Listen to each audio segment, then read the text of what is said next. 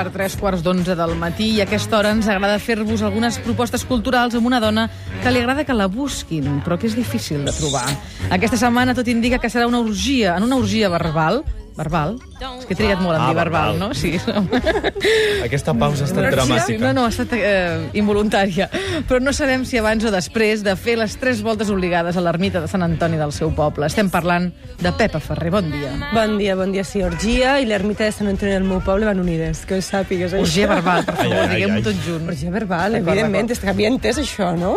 Jo tinc dues Doncs, preguntes. Quin és el teu poble? Pego. Molt bé. Pego. I què és una orgia verbal?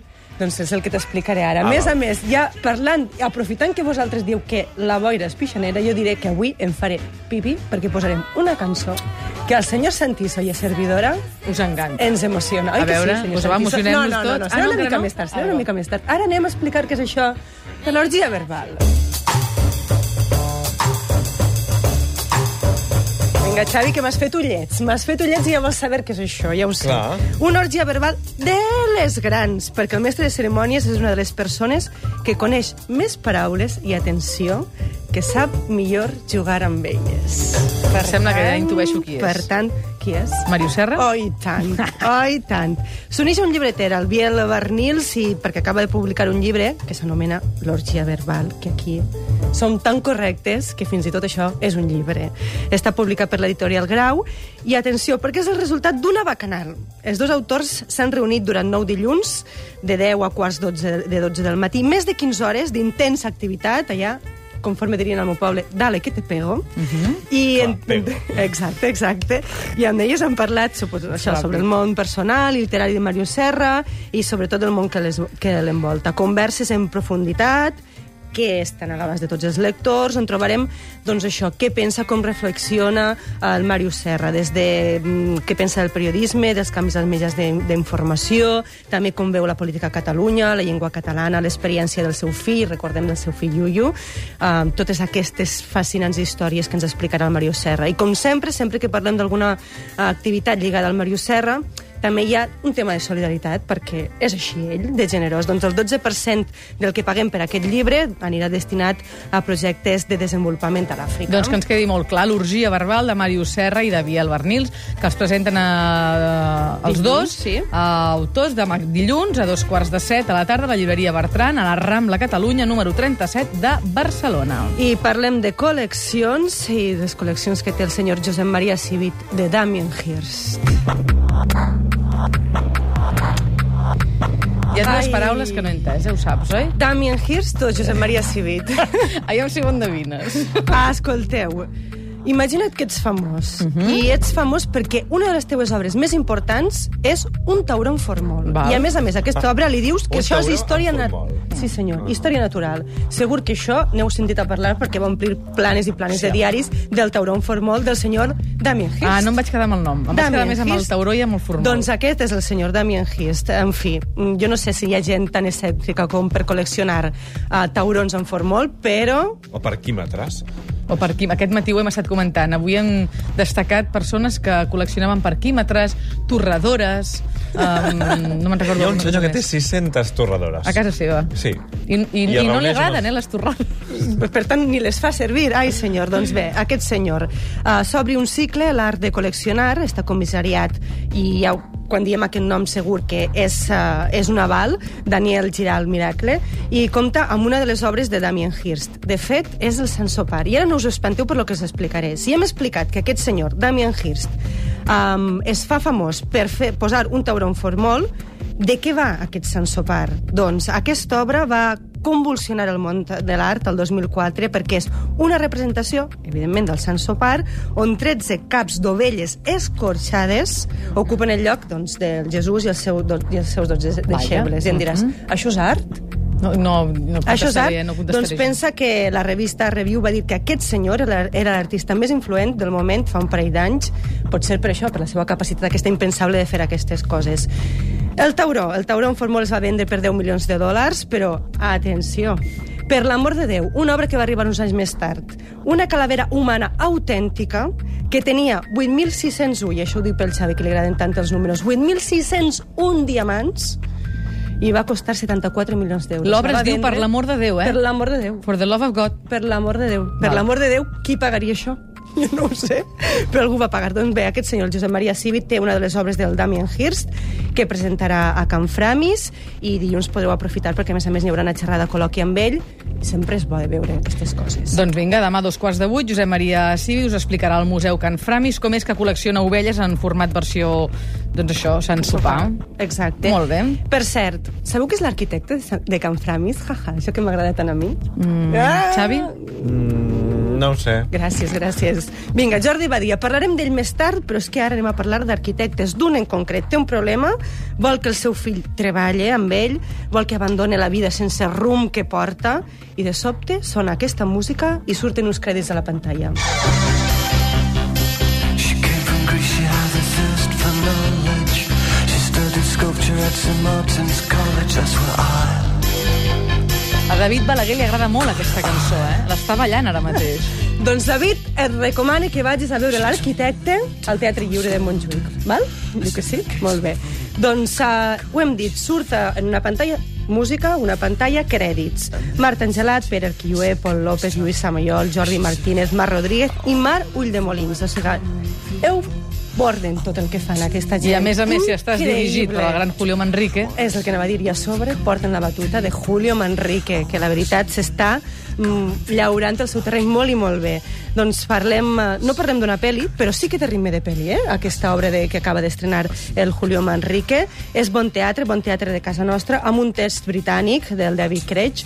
Uh, la veritat és que els actors ja ho hem dit, excel·lents tots, fan un paper gran. Només, només, només, només vaig a fer una petita crítica. Ai, ai. Una petita, és molt petita, eh? Va. Um, que jo em crec el Pere Arquilloé, però no sé si fa prou d'arquitecte.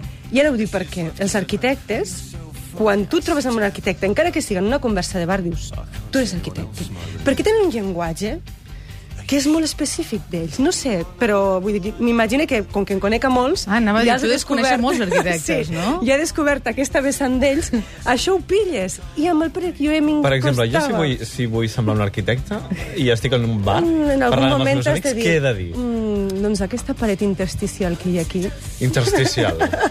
Vull no dir, confondre coses- intestinal, eh? Intersticial. Hi ha coses d'aquestes que diu, Déu meu, què, què passa? En fi, l'escenografia, increïble. Aquí juga tot. Juga la música, juga l'escenografia, juga la llum, tots són actors. I de sobte sona... Vinga, Santi, això que ens toca, la nostra. Good times for a change. See the look I've had can make a good man turn bad. So please, please, please, let me, let me, let me, let me. Us esteu posant d'un tontorron els dos, de veritat, eh? Que només se us ha de veure, eh? L'obra és fantàstica, però jo crec que l'ha encertada el Julio Manrique amb la selecció musical... És que Julio Manrique sempre la clava amb la És selecció que musical. És increïble. Jo, de fet, proposo, ho dic des d'aquí, eh? Perquè no és la primera ni la segona vegada que ho penso, que a la sortida de les obres dirigides per Julio Manrique s'hi hauria de vendre el CD de la banda Sí, sonora. senyora, jo me l'hagués comprat. Jo l'he aconseguida per gent que coneix, que coneix, que coneix. Però és que és una passada, les llistes musicals que fa aquest home. Oh, increïble. És, um, jo crec que és aquella part de l'obra amb què ell ens deixa respirar, somiar, fa com un buit, no? I llavors tu en aquell moment reflexiones sobre els 10 minuts, el quart d'hora, el que t'acaben d'explicar. Home, que pengi no? una llista ni que És sigui a l'Spotify, és no? increïble. Llista Julio Manrique. La història, la història... La, la veritat és que és una història amb un fons increïble, una mica molt tràgica, però jo crec que va passant precisament per tota aquesta banda sonora que li posa ell.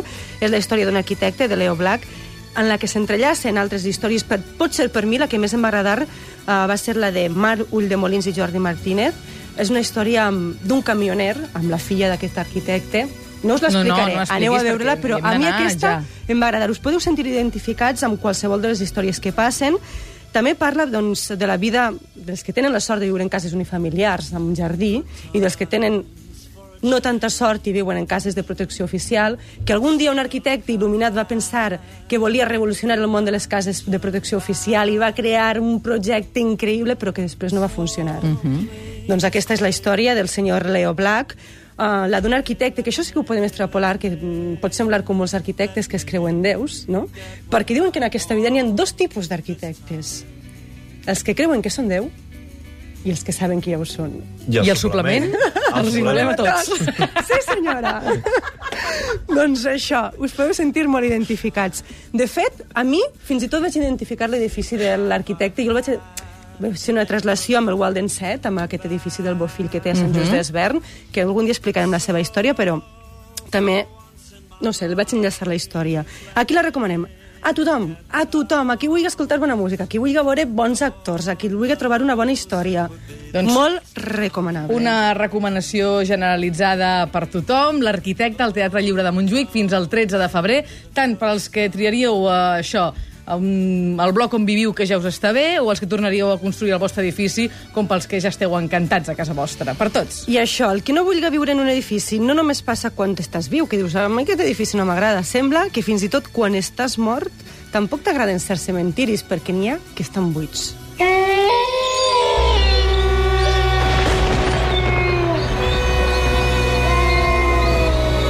Ara avui, en comptes d'allò de visca la Pepa, em podríeu cridar allò de set anant a l'olla, Pepa. No, passa que aquests no es poden queixar. Aquest és Ah. l'únic que... Clar. Doncs avui s'ha anat una mica l'olla perquè amb tot això d'arquitectes, edificis i tal, doncs avui parlem de cementiris i tanatoris també. Imagina't, el País portava fa un temps un article que parlava d'un cementiri molt avantguardista, per això que deien que de vegades les cases es deshabiten, uh, que estava a Finisterre i que l'havien acabat i ningú no estava enterrat en allà, perquè diuen que llavors era un cementiri mort, no, no hi havia ningú.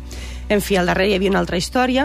Aquesta setmana llegim a l'avantguàrdia, en canvi, que els cementiris són rutes que cada cop són més populars, que la gent viat, viatja i visita uh, cementiris, que fins i tot s'acaba de presentar uh, la ruta europea dels cementiris, que 5 milions de turistes a l'any la visiten, i llavors ens hem proposat avui fer-vos una miniruta o explicar-vos algun d'aquests edificis eh, mortuoris que hauríeu de visitar perquè paguen molt la pena i perquè han donat un pas a, a l'arquitectura del nostre país. I per això parlem de Jordi Badia, que és l'arquitecte de Can Framis, avui tot fa aquests rodolins. Parlem, per exemple, d'una de les seves obres, el Tanatori de Lleó. Ara hem parlat que un senyor arquitecte un bon dia tenia un problema i va fer una solució, que era aquest edifici de protecció oficial que no va acabar funcionant. Uh -huh. Doncs al senyor Jordi Badia un bon dia li van dir hem de fer un tanatori en un lloc on la gent no vol anar a viure perquè s'hi ha de fer un tanatori. I aquest senyor va dir, doncs, què puc fer perquè la gent no s'adona que té un tanatori allà. I va al tanatori de Lleó, el senyor que va fer? El va soterrar. Llavors tu quan t'arribes allà veus un gran parc amb un llac al mig i tu no veus el tanatori, perquè el tanatori l'únic que veus és una forma de creu i a sota hi és el tanatori. Mira, doncs Què ha passat en allà? Que és molt bonic aquest tanatori, per tant, visiteu-lo, perquè a més és un parc. Què ha passat després amb això? Que el senyor de l'Ajuntament que li va encarregar allò s'ha donat que, a més a més, ha guanyat perquè els pisos que hi ha al voltant s'han revaloritzat perquè, clar, tothom sí que vol tindre un gran parc davant de casa seva. Així que ja veieu que l'arquitectura de vegades sí que pot fer miracles. Un altre, um, dir també que el Jordi Badia, a casa nostra, va fer tot el contrari. Va anar a Terrassa, va fer un tanatori que, fa, que és una filosofia totalment al contrari. Sembla que vola, sembla que sent l'aire. Aquest s'enterra, aquest sent- l'altre sent l'aire. I un altre dels cementiris grans de casa nostra, el cementiri d'Igualada. Diuen que és un dels cementiris més moderns i més ben pensats de casa nostra. El va fer la Carme Pinós i l'Enric Miralles. Uh, va ser un dels seus primers uh, projectes que van tindre. I la veritat és que només veient la disposició dels ninjos, allò que tu vas tots estan ben endreçades, doncs aquests estan uns cap aquí, els altres cap allà. Tenen uns accessos com si fora... A mi em recorden, sabeu aquelles pel·lícules de, faraó, de faraons que arribes no, a les piràmides i entres Sí. per unes escales que semblen grutes? Sí. Doncs em recorda això. I us ho dic, és com... Per què proposem anar a visitar cementiris? Doncs perquè també és un lloc per reflexionar, que dona pau, que la gent de vegades va a una ciutat i els busca, doncs escolteu, a casa nostra n'hi ha, els, han- els han fet arquitectes nostres i realment descobrireu escenes increïbles. Per cert, que si us agrada tot això, podeu llegir. També us porte una guia de tombes, o sigui Vinga, que avui va tot. L'última casa de Mònica Gili fa un repàs de com han canviat i què han significat la construcció de tombes. Si busqueu i busqueu fins a la pàgina 2 trobareu un, mas, un panteó que té el Josep Llinàs, també un dels arquitectes grans de casa nostra, que és increïble perquè és un bloc de formigó que hi ha um, al Maresme, al Masnou, i que quan els uh, senyors, quan els propietaris van veure que el senyor Josep Llinàs els havia fet allò, va dir, van dir, senyor, què passa? I tothom va visitar-lo. Doncs com que les rutes per cementiris estan de moda, us proposem visitar-ne de diferents. Recordem el d'Igualada, el Tanatori de Terrassa o el de Lleó. I si voleu saber-ne més i trobeu que són curiosos, el llibre L'última casa, de Mònica Gili, publicat per l'editorial Gili. La rama de Barcelona i està molt bona, i està molt bona. La rama de Barcelona i està molt bona, i està molt bona.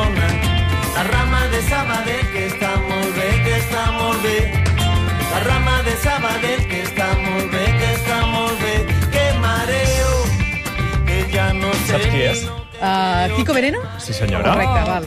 Uh, actua el Barnassans. Dissabte que ve, dia 22, al Teatre Principal de Badalona, actua Kiko Veneno, Kiko Veneno en un concert que s'ha organitzat juntament amb Sort Racisme, els socis del 3C, i teniu un 25% de descompte. Kiko Veneno, andalús, nascut a l'Empordà, presenta noves cançons i noves històries en aquest concert amb descompte pel 3C. Recordem que estem fent una pregunta a través del facebook.com barra el suplement i és quina és la millor pel·lícula que heu vist el 2010. Entre tots els que contesteu sortejarem un carnet del 3C. Pepa, un número de l'1 al 25? Eh, el 13. El 13, doncs la Laia Codina, que diu que la millor pel·lícula del 2010 ha estat Pa Negra. Doncs per ella el carnet del 3C. Gràcies, Pepa. Que vagi molt bé.